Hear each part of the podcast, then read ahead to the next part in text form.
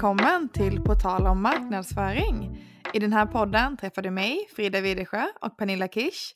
Tillsammans snackar vi om allt det där som rör att sticka ut ur bruset, hitta de återvärda leadsen, göra karriär och mycket mer. Ja men varmt välkomna. Var det så härligt tycker jag att få välkomna. Eh, jag vet, du säger ju det i ditt intro men jag vill liksom också så verkligen välkomna. Det är så härligt. Ja, det är väldigt härligt. Mm. Uh, och jag har ju skrivit ner vad jag ska säga för att annars blir det helt, helt mm. hjärnsläpp varenda gång vi ska dra igång det här. Så att, uh... Men det tycker jag är snyggt du läser det på exakt samma sätt med så underbar tonalitet. Det, det, det, kanske inte våra poddlyssnare vet att eh, det är liksom inte förinspelat utan du läser det där varje gång. Ja, men det, jag läser det varje gång uh. och jag, innan jag börjar läsa så tänker jag alltid så här, så så tänker jag och så här mentalt visualisera med introt, en lounge soffa och bara så här, gå in i ett annat så här, tonläge. Mm. Det gör du bra. Ja. ja. Hur är läget med dig Pernilla? Det är jättebra, tack. Hur är det med dig? Ja men det är bra, det är bra. Mm. Det är bra. det låter som att du intalar dig själv att det är bra eller? Ja men jag är så trött på att säga. Mm. Ja det, det är lite mycket nu. Men det mm. är lite, nu är, nu är det lite mycket nu. Mm. Mm. men jag är också så trött på den fasen. Så att, eh, så att eh, ja, nej men eh, just nu är det lite, lite rörigt tror jag. Jag tror mm. det är det som gör att jag känner att det är lite mycket. Mm. Att det är mm. många, sak, många olika saker som händer samtidigt. För mm. att ha mycket att göra men där det är väldigt fokuserat inom en viss sak, då tycker jag att det är väldigt enkelt att hantera. Men det, när det är många saker som är väldigt, väldigt olika, då, då, mm. då tycker jag det är lite svårare. Så jag tror det är det jag upplever just nu att eh, som är det, det kämpiga. Men eh, den här veckan är en väldigt spännande vecka också. Det är väldigt mycket som mm. händer som vi har mm. förberett under lång tid internt. Um, mm. Så det tror jag vi kommer att se mer framöver. Ja, men det, ehm. jag tror man måste så påminna sig själv ibland också vart man är liksom i, i terminen som jag aldrig, jag, jag gillar att tänka struktur i mitt huvud liksom. och då tänker mm. jag att så här, ja, men nu är vi, vi är verkligen mitt i liksom nu. nu. Nu drar hösten igång, vi är inne i oktober. Nu är det liksom så här allt man, som du säger, allt man liksom har jobbat med under augusti-september börjar liksom eh, falla ut mm. nu och det är ju en väldigt, väldigt busy period eh, ja. i mitten liksom så, och där är vi nu så att man liksom påminner sig om det tror jag är smart. Verkligen. Men lite skönt då tänker jag nu när, när du är i det sinnesrummet som du är att vi ska få sitta ner och podda ja, med en gäst och bara liksom landa lite i det tänker jag. Gud vad skönt. Ja, det är en lyx verkligen. Det är Sån det. Lyx. Ja. Men Pernilla, vad, vad har du gjort eh, sen vi poddade sist?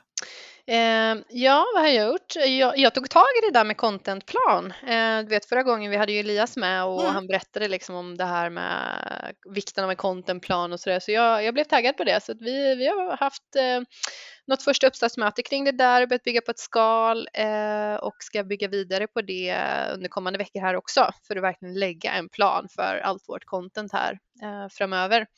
Eh, så det känns riktigt kul tycker jag. Um, ja, och sen så har jag också suttit med på massa säljpresentationer i vårt säljtraineeprogram där de har fått uh, göra lite praktiska övningar kopplat till det här som man gör på ett första möte med kund. Du vet, man, man liksom glider in i något mötesrum eller loggar in i ett digitalt möte mm. eh, och så säger de jaha, vilka är Excitec då? Eller mm. ja, vem det nu är som är där och presenterar sig. Du vet det här standard företagspresentation. mm. eh, och där fick jag några tankar när jag var med på den eh, övningen i, i onsdags var det. Um, och jag vet inte, ska vi dyka ner i det nu? Jag, jag ska ja, kolla några grejer med dig. Ja. ja men vad heter det, det tycker jag. Vad, vad var det som hände?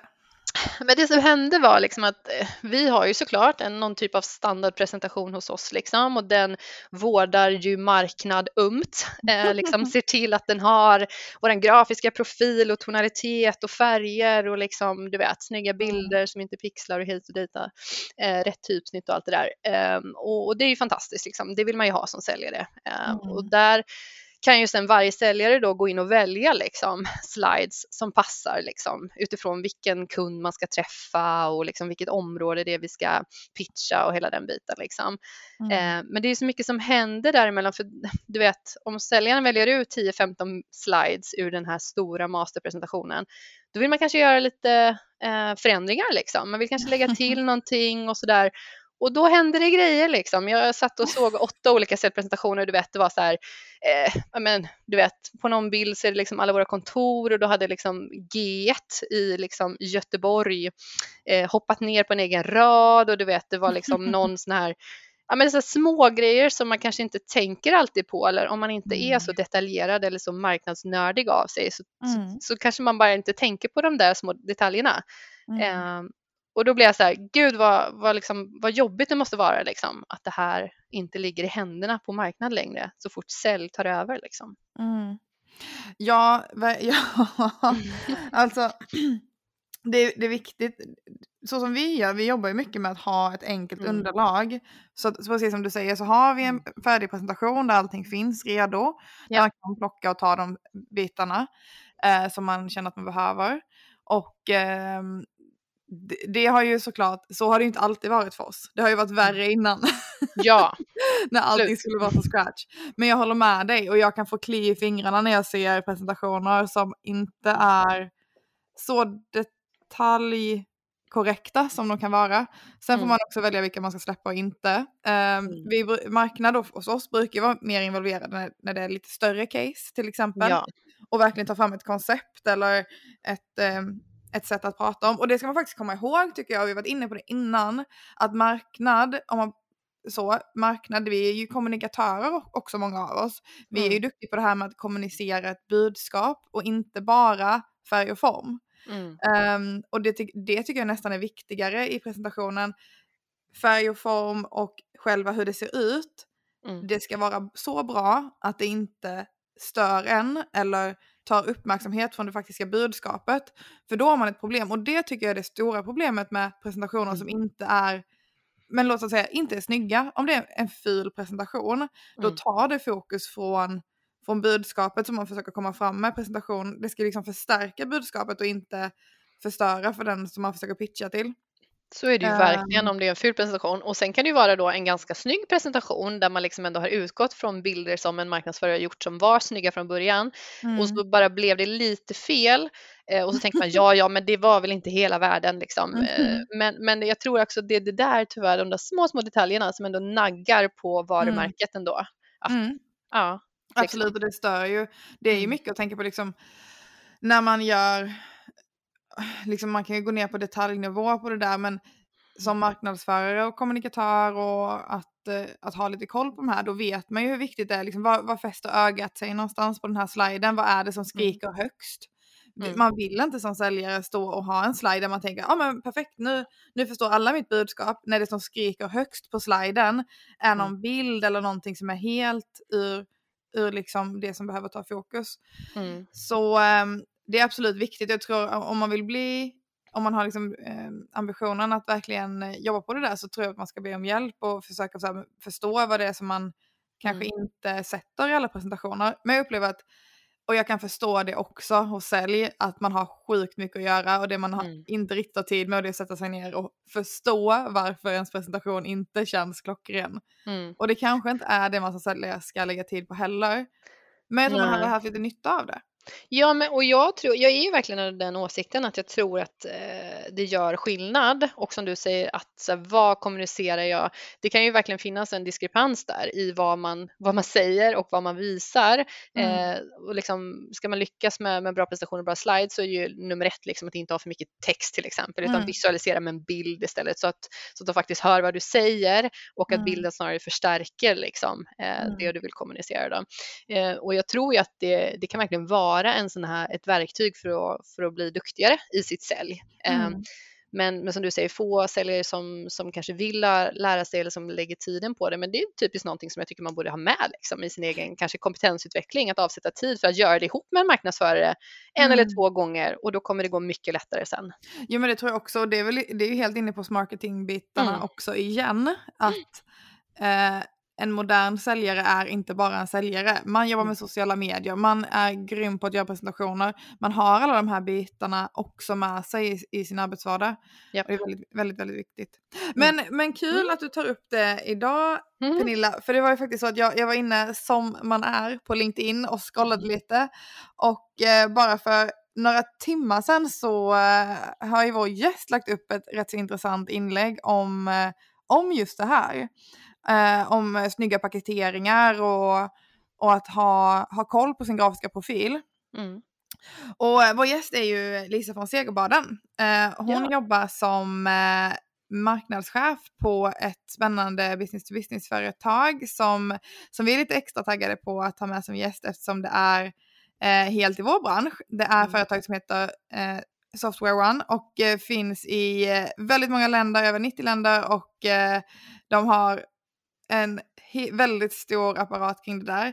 Mm. Men Lisa är ju ensam marknadsförare. Mm. Uh, så det tycker vi ska bli väldigt spännande att prata med henne om. Uh, hon är ensam marknadsförare i en del, uh, som jag förstår det. Det får mm. vi fråga lite mer om. Mm. Mm. Ja, men det, jag älskar ju när vi har eh, gäster som på något sätt eh, jobbar, alltså lika mycket som jag älskar att ha gäster som inte jobbar med samma sak som oss så är det ju också väldigt roligt när vi har det. Alltså mm. någon från IT-branschen och sådär. Eh, och jag tycker att de, de eh, Software One verkar ju jobba med sjukt avancerade eh, saker också kopplat till IT. Ehm, alltså våran, våra system och, och sånt som vi säljer, våra mjukvaror är ju ändå något som man går att relatera till ganska mycket eftersom det är i verksamheten, verksamhetssystem. Mm. Men det här är liksom eh, mycket mer eh, avancerat tycker jag med integrationsplattformar och IT-säkerhet och, och liksom så. Eh, så att det ska bli intressant att se hur, hur hon tar sig an det där tycker jag som ensam marknadsförare också. Mm. Mm, verkligen. Men det som var lite kul med det här inlägget då som Lisa skrev, mm. det var att hon, eh, hon har noterat det här med att det kanske är mer inom business to consumer som man har större fokus på det här med oh, det visuella då. Mm. Uh, och det har ju blivit en uh, liten diskussion om det där. Men uh, det som man nu kommer fram till kring det där det är att det nog beror lite mer på bransch inom business to business, inte just att det är business to business.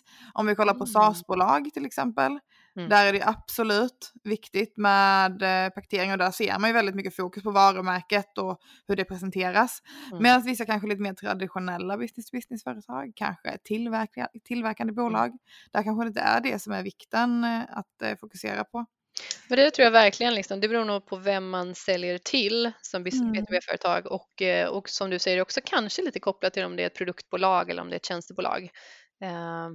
Eh, jag tror liksom att tjänster är ju fluffigare, alltså så här om man ser liksom till att sälja konsulttjänster mot att sälja faktiska produkter eh, och då kanske man behöver jobba ännu mer med paketering, visualisering och liksom så skapa en känsla av jaha, men vad är det då för tjänst jag ska köpa och vad löser den för problem? Mm. En produkt har ju liksom en produktspecifikation och man förstår ganska snabbt mm. vad man ska använda en produkt till. Så jag tror att det kan hänga ihop med det också. Verkligen. Mm. Ja, väldigt spännande. Jag vill mm. också prata mer med eh, Lisa om det här eh, om marketing just för att hon är ju med och driver ett forum som heter Snackas marketing mm. eh, som är rätt så nytt så det ska bli spännande att prata mer med Lisa om. Men eh, nu tycker jag vi drar igång det här och bjuder in Lisa till samtalet. Jättegärna. Ja, välkommen Lisa. Tack snälla. Hur känns det att vara med i den här podden?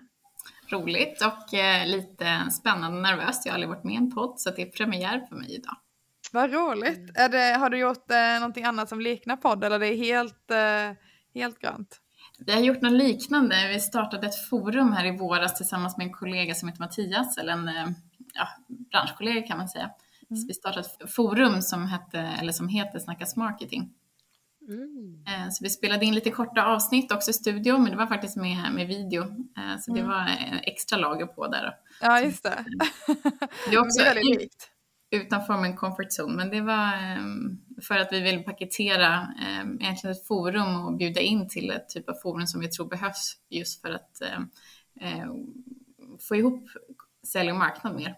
Mm, verkligen. Ja men det har vi ju pratat om i tidigare avsnitt. Det är, det är den här stående frågan som man, ja. eh, man gärna vill prata om. Känns ju det tror jag vi kommer eh, lyfta lite här idag också. Men, men det här forumet, kan du bara berätta lite mer? Vad, vad är, kommer ni ha liksom olika träffar framöver eller är det liksom mer webbinar och utbildningsfokus eller hur ser det ut? Det var egentligen ett test från båda sidor. Vi kommer lite från olika mm, perspektiv och med olika bakgrunder och sen eh, hade vi en gemensamt intresse egentligen för att, vi hittade mycket gemensamma utmaningar med att få ihop sälj och marknad. Mm. Och där vi såg mycket återkommande diskussioner kring sådana ämnen. Mm. Eh, och där vi tänkte hur ska vi paketera det här för att vi tror att forumet behövs. Så att vi mm. provade lite olika varianter. Vi ville köra Clubhouse bara för det var så hypat ett tag där ja. i våras. Um, det var lite svårt att få upp, vi, hade väl i alla fall en 30 lyssnare som mest. Mm. Um, det är alltid svårt att mäta, är det bra eller dåligt? Mm. Um, men det vi identifierade där var att det är ett medie som är för i alla fall när det är kopplat till saker som har med arbetet att göra så behöver vi ha en plattform där det är enkelt att hänga med på. Mm. Apropå LinkedIn, du kan få notis eller lägga in kalenderhändelser. Det var ganska svårt att få hela det Vi försökte köra via LinkedIn för att sedan bjuda in då, eh, logga in på Clubhouse, men just det när man ska lämna plattformen mm, eh, via en utmaning. Ja. Verkligen, ja, men jag känner igen det där. Vi, vi var också igång och testade lite med det där och hela biten med att alla inte kom in och det var vissa som var nyfikna men de hade inte tillgång till plattformen. Det, det, mm. det är ju ett hinder i hela den kommunikationen. Mm. Ja. ja. Så, ja, men det var kul att prova i alla fall och det behöver man göra för att konstatera om, om det är bra eller inte. Mm. Eh, sen så har vi fortsatt och så kört lite på um, LinkedIn live mm. um, och det blir ju mer tillgängligt. Verkligen. Och då har vi adresserat egentligen ämnen som vi också några gånger har bjudit in eh, externa eh, personer som vi har trott har kunnat bidra med klok, klokheter. Mm. Eh, och haft då live såklart, folk kan ställa frågor och så. Mm. Um, sen så hade vi säsongsavslutning precis innan midsommar och sa att vi ska göra någonting av det här för vi tror att det finns utvecklingspotential. Så att vi var väl sugna på att göra något här på något sätt fysiskt under hösten. Så vi får väl eh, se vart vi kommer med det. Men vad spännande. Jag, jag gick in och läste på lite om det där och såg att man kunde gå med i gruppen också på, på LinkedIn som ni hade där. Så det har jag mm. gjort. Så, ja, jag ser fram emot att se då, vad man får av den här. Vara med. Mm. Ja, Men, Men äh, Lisa, vi presenterade dig lite kort innan du kom in mm. i samtalet. Men äh, berätta, vad, vad, vad gör du för någonting? Jag jobbar med marknadsföring på ett stort IT-bolag som heter Software One. Um, inte så stora i Sverige, vi är väldigt stora globalt. Ehm, um, 8300 anställda, finns i 90 länder. Funnits i Sverige i drygt 10 år. Här är vi ett 30-tal anställda. Och vi hjälper egentligen företag med um, kom, hjäl, hjälper dem med deras komplexa IT-infrastrukturer. Historiskt sett så har vi varit en tjänsteåtersäljare, eh, eller egentligen förlåt, en licensåtersäljare mm. men som mer och mer har gått åt tjänstehållet för det är den resan som man egentligen behöver göra. Licenser och mjukvaror behöver alla bolag idag, men ju större bolagen är, ju mer liksom komplexa IT-infrastrukturer man har, så behöver man också hjälp på ett helt annat sätt och med nya, mm. nya tjänster. Så att vår tjänsteportfölj ser lite annorlunda ut idag än vad gjorde när vi startade för 30 år sedan. Eh, så att jag har varit på det här bolaget i ett och ett halvt år Mm. Eh, jag var hos en konkurrent tidigare som köptes upp av Software One. Ehm, mm. Sen så gick jag på mammaledighet ehm, så att jag slapp vara med i den stora liksom, fusionen av bolagen som lätt kan bli lite rörigt. Så jag kom tillbaka här förra sommaren mm. Och försöker driva marknadsfrågor internt och det har varit mer än faktiskt bara att göra det operativa. Det har faktiskt varit väldigt mycket fokus på att lyfta marknadsfrågan mm. Eh, som, som status internt. Just det. det där är ju jättespännande, speciellt inom IT. Um, mm. Ehm, jag tror att det finns många företag som funnits länge inom IT-svängen och har kanske ett mer traditionellt sätt att se på marknad som en som en kanske en person eller två personer som hjälper till och piffa lite och fixa lite där det är färg och form involverat. Det här har vi pratat om mm. innan också Pernilla. Det, mm. vi känner igen oss i det där eh, tankesättet liksom. Ja. Um. ja, och jag kan liksom förstå någonstans som jag ser på det bolaget som jag jobbar på var man kommer ifrån och att alltid har varit fokus på eh, väldigt mycket utvecklingsfrågor och man såklart behöver ha kompetens inhouse för att kunna hjälpa kunderna med det de behöver. Och eh, just att man är väldigt entreprenöriellt drivet så blir det mycket säljfokus och man ser mm. som sagt var marknad som en kostnad. En del av mig kan förstå det. Samtidigt så tänker jag det här bolaget precis som många andra bolag, ligger kanske lite efter i hela, man förstår inte riktigt hur business to business, den digitala köpresan faktiskt har förändrats mycket mm. under de senaste åren och att vi ligger efter i att förstå att vi mm. måste finnas digitalt, vi mm. måste synas online, mm. vi måste vara där kunden är och vi kan inte, vi måste tillhandahålla all typ av kommunikation som kunden vill ha, inte det vi vill få ut. Just det. Just det. Mm. Ja men verkligen, alltså, som Frida sa, det här har vi pratat om innan, att marknadsrollen har ju verkligen förändrats och, och, och, det kan jag verkligen skriva under på, jag som inte har någon bakgrund från marknaden heller, utan kommer mer från säljhållet, men jobbade ju väldigt nära eh, våra marknadsavdelning på Excitec under hela fjolåret eh, och det blev väldigt tydligt för mig liksom hur eh, ja, men hur tekniskt eh, det är liksom på marknad och hur mycket det är uppbyggt kring webb och, och liksom att det är verkligen digitalt eh, och hur, liksom, hur mycket man måste ha koll på olika tekniska verktyg och som du säger binda ihop allt det där med, med kunden och, och liksom, eh, kopplat till event och köpresa och allting sånt. Så mm. det, det, är verkligen ett vanligt förekommande eh, missförstånd tror jag, att man tror att det fortfarande är mycket mm. eh, färgform, events, göra roll-ups, alltså den typen av saker. Det, det, känns inte som att det är så många marknadsförare som jobbar med det eh, till största del längre. Mm. Nej, precis. Och jag tror nästan att jag såg någon, eh, något klipp om det här om veckan, just hur, hur man ser hur roller förändrats, att det är till och med nästan ingenjörer som går och mm. blir åt marknadshållet för att de kan så väldigt mycket om data och hela setupen kring Martech. Mm. Hela liksom den, vi är helt beroende av att vi har bra teknik idag för att följa kunden och för att läsa kunden och förstå kunddata. Mm. Och liksom en traditionell marknadsförare är oftast kanske inte skolad åt det hållet. Nej. Precis. Um, så det är ju en, en, tror jag, det hade varit lite mm. intressant om man ser det här liksom om fem år, hur många mm. faktiskt inom marknaden kommer sluta jobba inom marknadsföring för man känner att det har gått åt fel håll. För att det mm. kanske inte handlar om eh, kommunikation på samma sätt som det kanske gjorde för tio år sedan. Mm. Sen så är fortfarande det kärnan såklart, vi ska fortfarande kommunicera, men att det finns så mm. mycket datalager under mm. där som man känner att man inte riktigt hanterar. Verkligen, jag tror att det är, är det, det är nog tufft som marknadsförare att vara en eller två personer på ett företag eftersom allt mer behöver man ju nischad kompetens, kanske en som är väldigt bra på det här med analys och databitarna medan man har andra specialistkunskaper inom kanske kommunikation och eh, grafisk design och de andra bitarna. Men att det är väldigt svårt att en person ska ha alla de här väldigt nischade kompetenserna mm. i, i en och samma roll.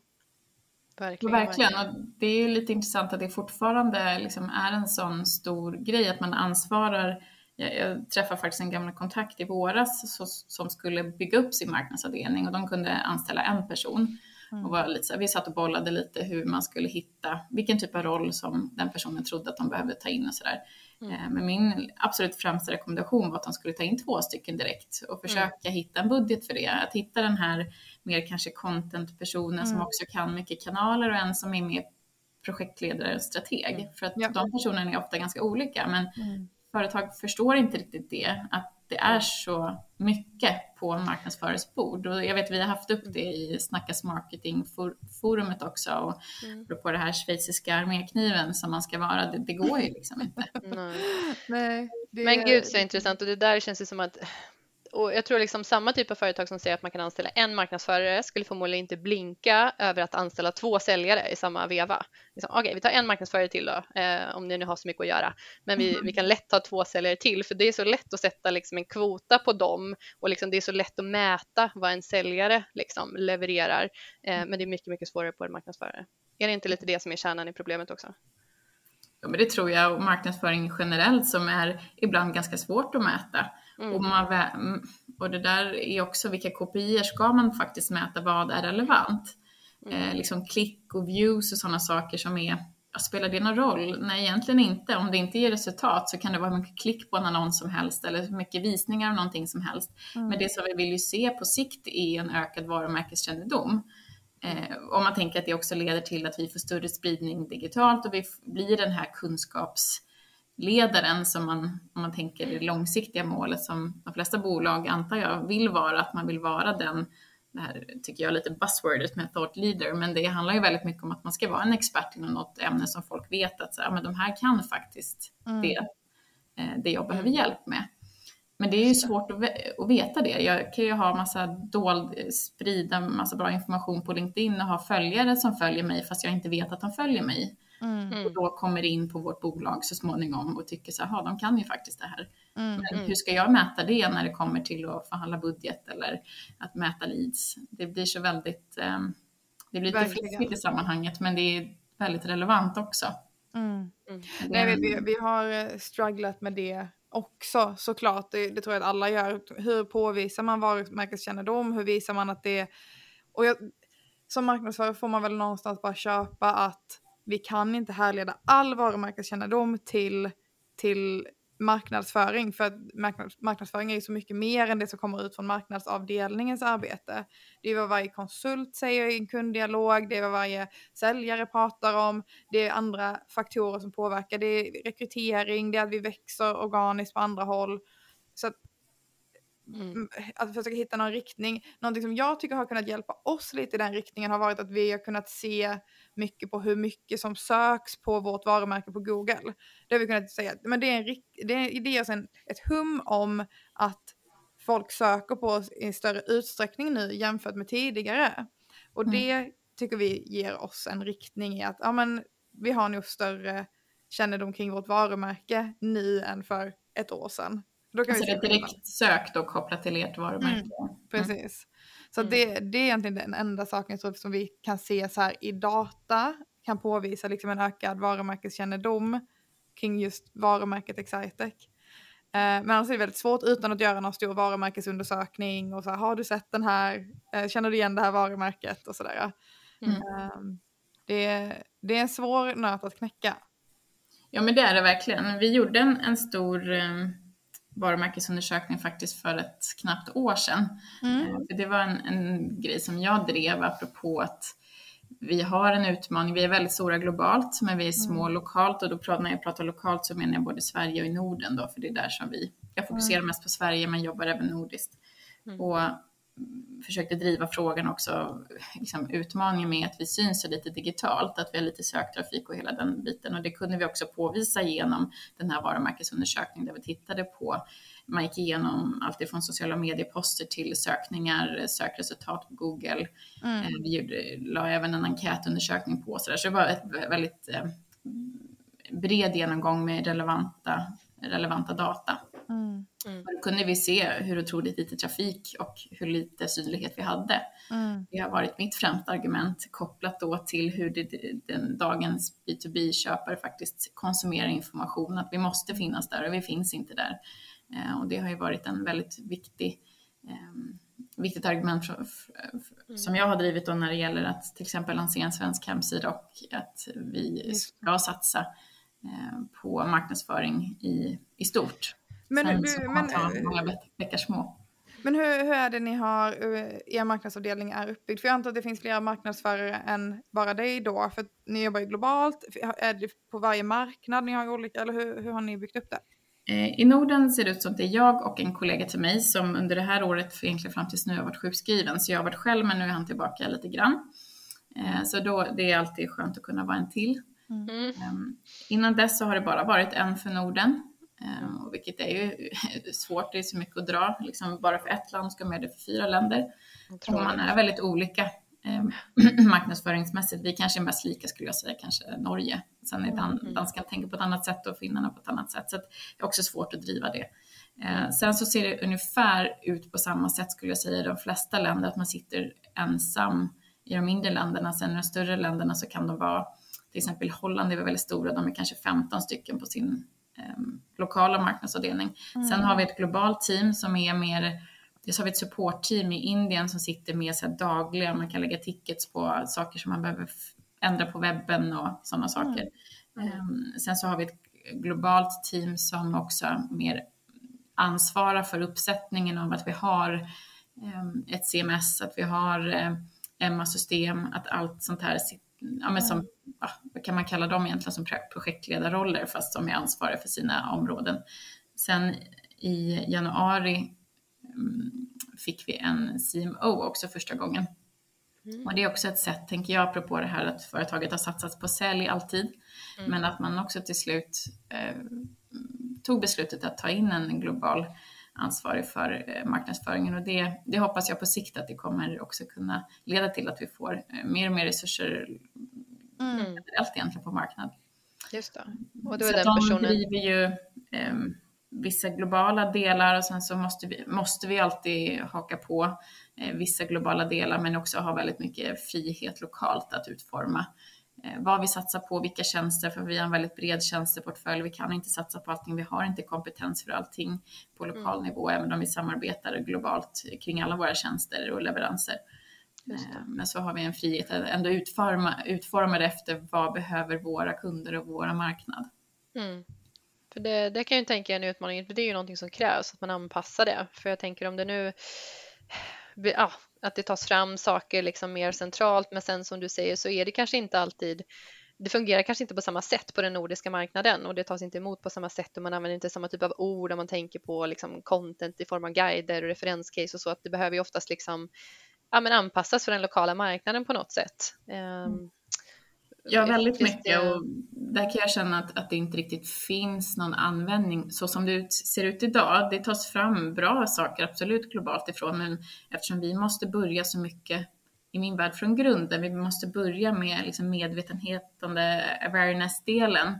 Mm. Och visst, det kanske tas fram någonting kring det, men sen är det hela tiden att man vill forcera kunderna in i köpresan ganska snabbt. Mm. Och vi kan inte prata med kunderna långt bak för att vi måste börja med helt andra typer av mm.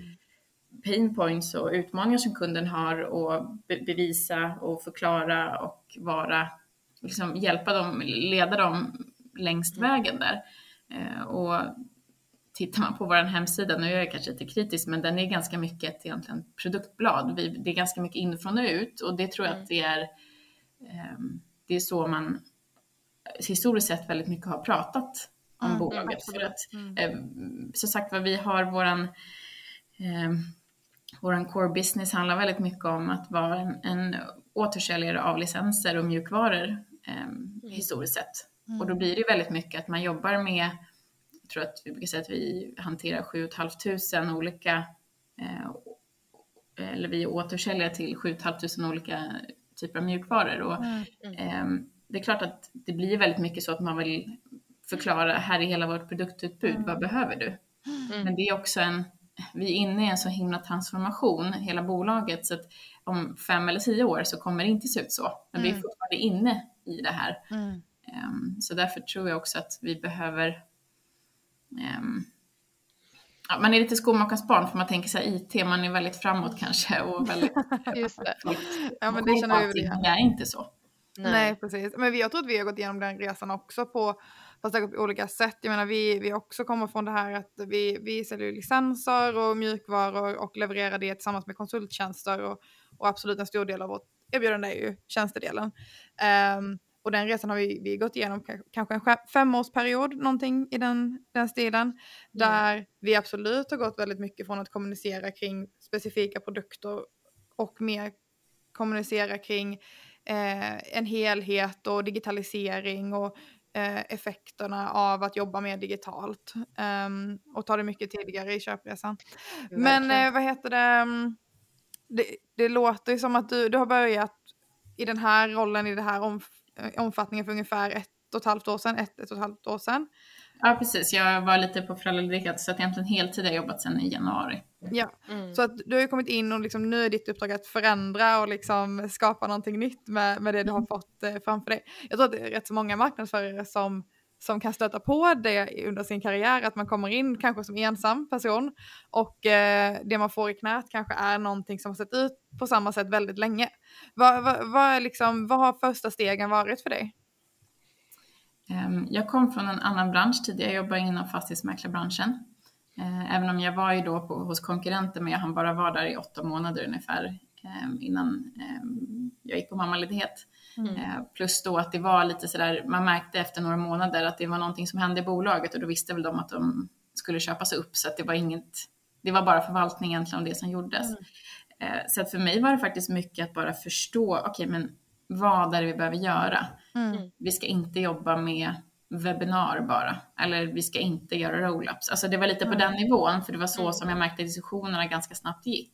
Mm. Okej, men vad är det vi behöver? Okej, men hur ska vi fortsätta utveckla market automation, vi behöver liksom jobba med kunderna, hur funkar business to business? Apropå att jag har jobbat inom business to consumer innan mm. och inom mm. fastighetsmäklarbranschen som bara drälls när man pratar om leads. Mm. Där hade det, det var så mycket leads dagligen eh, kring mm. olika saker. Mäklarna hade inte ens möjlighet att kontakta alla kunder. Så det var ett helt annat problem. Där.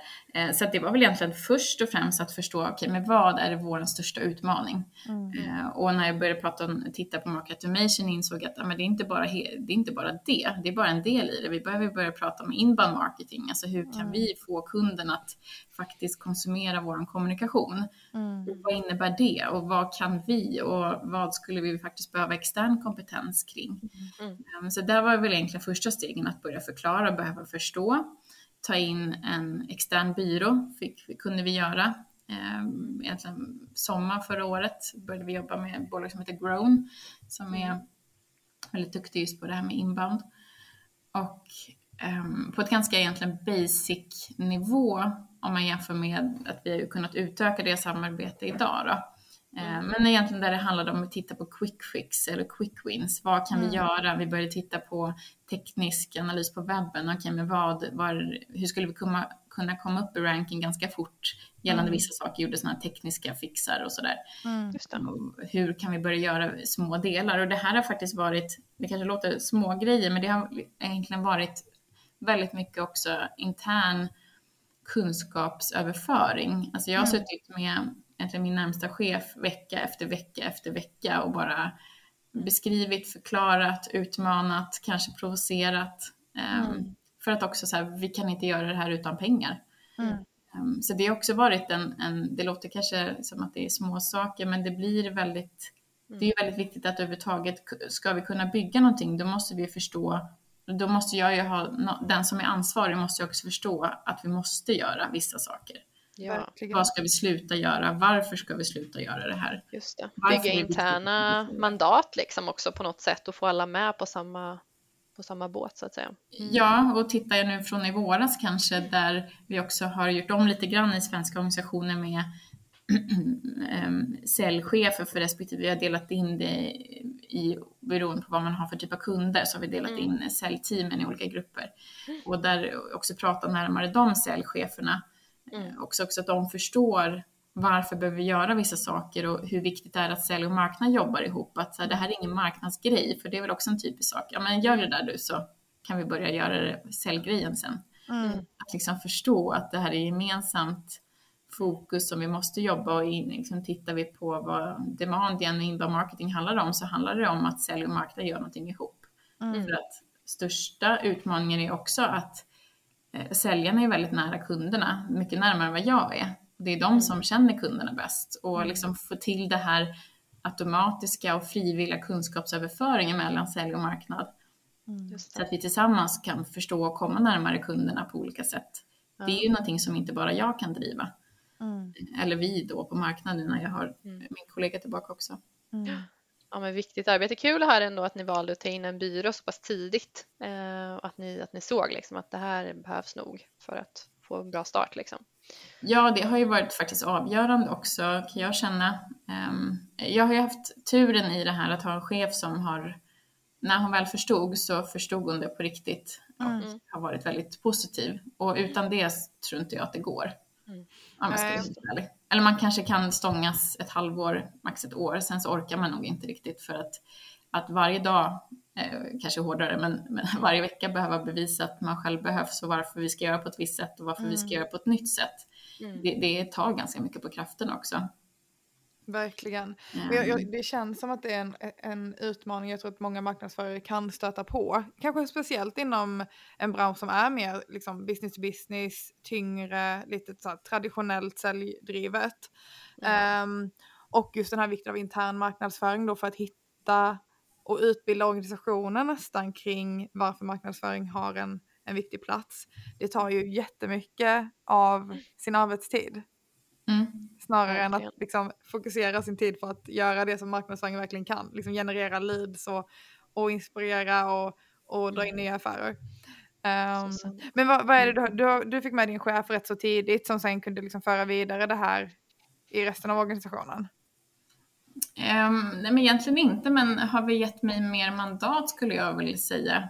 Eller mm. bara ge marknaden mandat att så här, okej okay, men det här till exempel med att lansera en hemsida. Mm. Det var eller vi hade ju en hemsida, men att översätta den till svenska, det var också en ganska stor, viktig del för att kunna komma närmare hela marknaden. Mm. Att få liksom mandatet, okej, okay, men vi ska göra det, det får pengar, det kostar att översätta. Mm. Det kommer kosta löpande att driva en hemsida eh, och ha den up running hela tiden. Mm. Att få bara så här, okej, okay, kör det, jag litar på dig, eh, vi gör det som behövs. Mm. Eh, och att också sen i våras när vi kunnat trappa upp samarbetet med vår byrå också, att okej, okay, men vi kan inte bara ha det här månatliga avstämningar, utan vi behöver ha ännu mer faktiskt hjälp från dem när det gäller content och när de hjälper till med vi ska börja lite mer med betald annonsering och sådana saker, att få ett helhetsgrepp och inte bara göra små saker här och där, utan ska vi göra så ska vi göra det på riktigt mm. mm. och få mm, okej okay på det. Men tror du, det, det, tror du att det är det som krävs för att man som ensam eller två marknadsförare på ett rätt så stort företag ska klara av att liksom rodda en inbound-resa? då behövs det en byrå, det går liksom inte att göra på egen hand. Nej, jag tycker, alltså spontant, nej. Nej, man behöver ha fler resurser. Och, ja, och, och likaså, jag tror att vi på sikt verkligen skulle behöva ha någon mer internt hos oss som är riktigt specialiserad på vissa saker. Mm. Apropå det som jag sa i början här, att man ska vara projektledare, man ska vara strateg, för det är väldigt mycket sånt också som vi sitter med och hur ska sälj och marknad jobba ihop? Det är ju ganska strategiska frågor också. Mm. Hur ska samarbetet se ut löpande under tiden liksom? Hur tänker vi ett år, hur tänker vi tre år framåt och vad behöver man av varandra? Hur kan vi liksom få ut mest kunskap av varandra? Men också mm. så här, okej, okay, nu ska vi börja få ut lite mejlutskick till kunder som har sett vissa artiklar så ska de också få nya utskick för att mm. det var, vi tror att det är relevant för dem. Men hur, apropå datan, hur kan man analysera det och vad ska det stå för att det ska konvertera bäst? Och mm. vi kanske behöver AB-testa. Alltså det, det, är väldigt olika typer av frågor som man eh, sitter med och då kan man ju tänka sig, okay, men ska man lära sig allt det eller ska vi faktiskt också betala för att ta in någon som är riktigt bra på mm. vissa mm. delar? Just det. Jag såg något bra tips där, jag tror att det kom från, från det här Snackas marketing, att eh, ni hade skrivit att ni tyckte att sälj och marknad skulle dela rum i större utsträckning. Så här, jag vet inte, är det ofta så kanske att marknad sitter för sig själva och sälj för sig själva? Jag tyckte det var ett bra tips. Mm. Ja, det kanske är mm. väldigt enkelt men, men bra. Mm. Men, ja, men just det där höra, åh, det blir så svårt att prata om det just nu i, i mm. när det fortfarande är en eh, pandemi och vi sitter mm. Nästan bara hemma. Ja. Um, men ja, det är ju det här att man, som man hör på kafferasterna och man hör någon, man hör ett eh, samtal och mm. kan ställa en fråga, vad du, du hörde kring det här, vad, vad, menar du med det? Eller ah, hade det med den här kunden att göra? Vet, jag såg att de var inne på vår hemsida förresten. Mm. Um, just det. Och det är väl det som, som vi inte riktigt får just nu. Nej. I och med Nej, men det är en jätteutmaning som du säger, lite tajtare i överlämningarna och, och liksom även, även i det här kreativa liksom och hitta rätt typ av ord och budskap och att man bara kan slänga iväg en fråga. Mm. Det tror jag är jätteviktigt. Men eh, jag har satt lite som mål för mig själv och, och också faktiskt bett säljteamen att bjuda in mig på, på kundmöten. Mm. För det är också ett väldigt värdefullt, jag var med på ett förra veckan och lyssnade in bara. Mm. Och faktiskt få höra att, för ibland tror jag när man sätter sig in i saker och framförallt inom det vi gör, att det blir så väldigt komplext allting. Man vet inte knappt vad man ska börja fokusera på, men lyssnar man in på ett möte som faktiskt handlar om väldigt, ja men deras vardag eh, och börjar kunna titta med kundens ögon istället för våra ögon så tror jag att det blir, det blir lite enklare att ta till sig också som marknadsförare, för det är väl det som kan vara utmaningen ibland att förstå mm. um, Förstå det är ett jättebra tips. Eh, det tror jag fler marknadsförare absolut hade kunnat eh, ha nytta av. Att jobba mm. närmare sälj och, och eh, hänga med på säljcase och verkligen få den djupare förståelsen. Mm. Men vad heter det, på tal om eh, det här nätverket då. Mm. Så ni hade ju haft en livesändning där, där ni pratade just om eh, hur man hänger med som sälj och marknadschef. Det händer ju väldigt mycket då och mycket mm. nytt som kommer. Ni skrev bland annat att marknadsverktyg har ökat med 5233 procent. uh, så att uh, det finns över 8000 olika marknadsverktyg att använda. Så att ja, det känns som en väldigt relevant fråga hur man hänger med här då. Vad, mm. vad, vad, kom, vad, vad kommer ni fram till? Hur ska man hänga med som marknadsförare? Mm. Um, men dels så tror jag att kärnan är att man tycker saker och ting är roligt. Mm. Um, att man tycker att det är roligt, uh, lite som vi pratade om inledningsvis här i podden också, att man tycker det är roligt att se utvecklingen som, som sker. Mm. Men varför är det relevant att titta på data? Varför ska vi inte se det som ett hot till exempel, utan mm. snarare som en möjlighet att kunna komma närmare kunder och inte se det som en jobbig sak, utan bara se det som en positiv del som vi faktiskt kan göra att vi lär känna kunden utan att fråga dem. Mm. Um, så, så det tror jag är, är en del. Uh, och sen också, lite som jag sa, det här med att man kan inte kunna allting och att man väljer en del i taget. För att annars så springer man nog och dattar lite här och dattar lite där och så känner man att man inte kommer någonstans. Mm. Um, och sen också sätt, och avsätta tid för kompetensutveckling och det behöver ju inte alltid vara mm. Eller om, om man ser det som en större fråga, att man tittar i organisationen, har vi den kompetensen som finns eller behöver vi faktiskt köpa in kunskap och har vi det internt? Eh, är det någon av oss som ska gå en kurs eller en utbildning? Eller så behöver vi faktiskt ta in en praktikant eller behöver vi faktiskt ta in Sveriges bästa på det här och verkligen investera i att vi, vi ska bli bäst inom ett visst område. Ja, då får vi faktiskt ta in och betala för den som är absolut bäst. Just det. Um, och våga liksom. Se över vad man kan och vad man faktiskt inte kan. Mm. Otroligt viktigt. Jag tänker du som själv har jobbat liksom med marknadsföring och kommunikation eh, alltså i över tio år. Jag tänker att det, det måste ju varit viktigt för dig också eh, att fortsätta. För jag, jag, jag tror jag pratade om det i första podden här någonting att jag pluggade i marknadsföring för kanske typ 15 år sedan och då var det liksom fokus på att lära sig att göra snygga broschyrer liksom. Det var så här trycksaker mm. eh, was the shit liksom. Och nu är det så här, det pratas ju knappt om trycksaker längre liksom. Så hur har du själv liksom jobbat med din egen kompetensutveckling och lära dig mer om digital marknadsföring under din karriär? Eh, jag gick sista, jag, på mitt gamla bolag så var jag i, det blev nästan fyra och ett halvt år, så att, sen bytte mm. jag roller lite internt, men då blev jag också en, sen blev jag ansvarig för våra digitala kanaler de sista ett och ett halvt åren. Mm. Eh, och det blev ju en, ett självändamål också att lära mig mer om det skulle bli bra på mitt jobb behövde jag också kunna lite mer om hur ska jag tänka kring saker och ting. Mm. Då gick jag, det var väl på IOM, en eh, kurs just inom, inom eh, ja, digital marketing hette den har jag för mig. Mm. Mm. För att få lite mer, för visst är det klart att man kan lära sig rent praktiskt men ibland så behöver man också ha, tror jag, via mm. nästan böcker och en föreläsare som mm. förklarar hur det funkar. Mm. Verkligen. Och ibland kan jag känna så här, det, det, vet jag med mig själv, att när man sitter och har lärt sig mycket själv praktiskt och man hela tiden man lär sig nytt och nytt och nytt och man googlar sig fram och man lär sig något, ny, något nytt verktyg. Så sitter man där och känner ändå så här, undrar ifall jag kan allting som jag borde kunna nu. För man har inget mm. stopp i så här, är det här mm. tillräckligt mycket jag kan eller har jag missat något viktigt? Mm. Och där, där tycker jag det är väldigt skönt att liksom ta in någon som verkligen så kan det här och är riktigt grym på just det här verktyget. Och de bara, nej men det här det är good enough, du kan absolut tillräckligt. Du har inte missat någon stor viktig feature, du har inte missat någon stor viktig mm. funktion. Kör på med det här så blir det bra. Och då kan mm. man ta, okej, okay, ja men skönt, då, då kan jag bara fortsätta på det här spåret. Så slipper just man liksom den här egna stressen om så här, kan jag verkligen tillräckligt? Mm. Um, ja, och sen är det alltid en balans det här att liksom läsa på innan man vågar. Mm. Eh, det tror jag också är en grej som man ska, eller jag kan prata om mig själv lite bättre på, att jag vill gärna mm. nästan ha facit innan jag provar saker. Mm. För att jag vill inte att det blir fel eller jag vill att det ska vara så bra som möjligt. Mm. Men jag lär mig ju också väldigt mycket av att prova mig fram. Mm. Eh, så att våga göra det där mejlskicket utan den perfekta rubriken mm. exempelvis. Eller prova göra en annons, det var inte perfekta bilden men det kom i alla fall ut någonting. Mm. Verkligen. Eller vad det kan vara. Och så lär man sig i med tiden, um, tror jag mycket. Och sen också att jobba med riktigt bra leverantörer. Det tycker jag är en guldgruva. Att hitta bra samarbeten och då tänker jag samarbeten som är nästan som partners.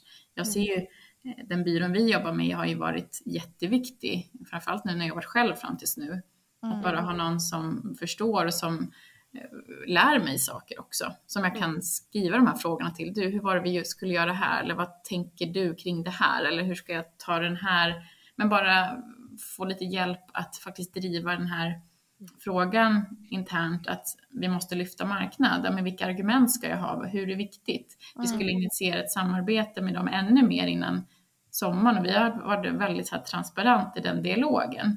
Mm. Um, där jag har ju vetat vad vi har för budget, men vad egentligen kanske saker skulle kosta och kunnat vara transparent att men vi har inte pengarna, hur skulle vi kunna optimera det här? Mm. Att, liksom att de förstår oss och vi förstår dem och tillsammans så hittade vi ett bra, bra upplägg. Och det behöver man ju genom att, eller det kan man få först tror jag när man är väldigt transparent och också använder varandra som bollplank. Mm. Ja, det är ett väldigt bra tips eh, kring att, speciellt tror jag när man liksom drar igång någonting och man känner att det är, det är verkligen för mycket att rodda själv och det finns inte eh, resurserna till det, då, då är det ju bättre att, eh, att se den där byrån eller ta hjälp. Ja, men precis. som en hjälp och ett mm. bollplank, precis som du säger. Det har man nog mer att vinna på. Ja. Och då fråga att eh, om de skulle säga att de gör si, ja, men det behöver inte handla om att frågasätta utan bara, men varför då? Varför mm. det är viktigt istället för att göra det här? Mm. Så kanske de ger en förklaring som man känner, okej, okay, ja men då fattar jag. Mm. Det är ett också väldigt bra forum tänker jag för, mm. för eh, kunskapsutveckling. Mm. Superspännande. Ehm, jag tycker det är så kul också att se att, eh, att du har hoppat på IT-branschen eh, och det blir man ju också väldigt nyfiken på hur det har varit att komma in. För vi jobbar ju lite samma i bransch mm. Ehm, Eh, med, eh, med IT och digital transformation och allt det här. Men, men ni jobbar ju som du säger verkligen med, ja men det är ju väldigt mycket avancerade saker så jag tänker så här, och kommit då från, från mäklarbranschen och så, hur har det varit att sätta sig in i, i de här typerna av lösningar och produkter? Om jag ska vara helt ärlig, och det var bäst att vara det, så har det varit mm. ganska tufft. Ja. Mm. Just det där att komma från en bransch som har väldigt mycket på plats och som är väldigt digital och som Eh, utifrån ett marknadsperspektiv där man får mycket, det har gjorts mycket tidigare och man har mycket gratis för att det är någonting som är nära oss alla. Mm. Eh, man kan sätta sig in, de flesta av oss kanske har köpt, sålt eller varit spekulant på en bostad på något sätt. Mm. Men så börjar vi prata om sådana IT-relaterade jättekomplexa eh, mm. tjänster och utmaningar som är ganska svårt att faktiskt ta till sig det har nog varit den största utmaningen. Att, alltså, jag, jag, förstår kanske inte alltid riktigt vad den här personen har, mm. varför är det här ett viktigt steg för det här företaget? Eller det kan ju vara till exempel att vi som bolag de senaste åren har vi köpt upp, ja, vi har försökt räkna där mellan 10 och 12 stora bolag, vi har expanderat väldigt mycket. Mm. Och varför är det naturligt för oss att köpa upp den här kompetensen just här nere i Sydamerika någonstans. Mm. Varför då? Alltså det här att man in, det blir så komplext mm. snarare än en, ja, om jag återgår till fastighetsmäklarvärlden som är, ja det handlar om köpa och sälja bostad och hjälpa folk att flytta. Det är ganska enkelt någonstans att förstå var mm. kontentan är. Men allt det här som vi gör är inte alltid riktigt som man förstår. Precis. Det är det inte. Det är inte alltid riktigt man är helt med. Det ska man väl inte sticka under stolen med. Det är tur att man har bra kollegor som är helt med.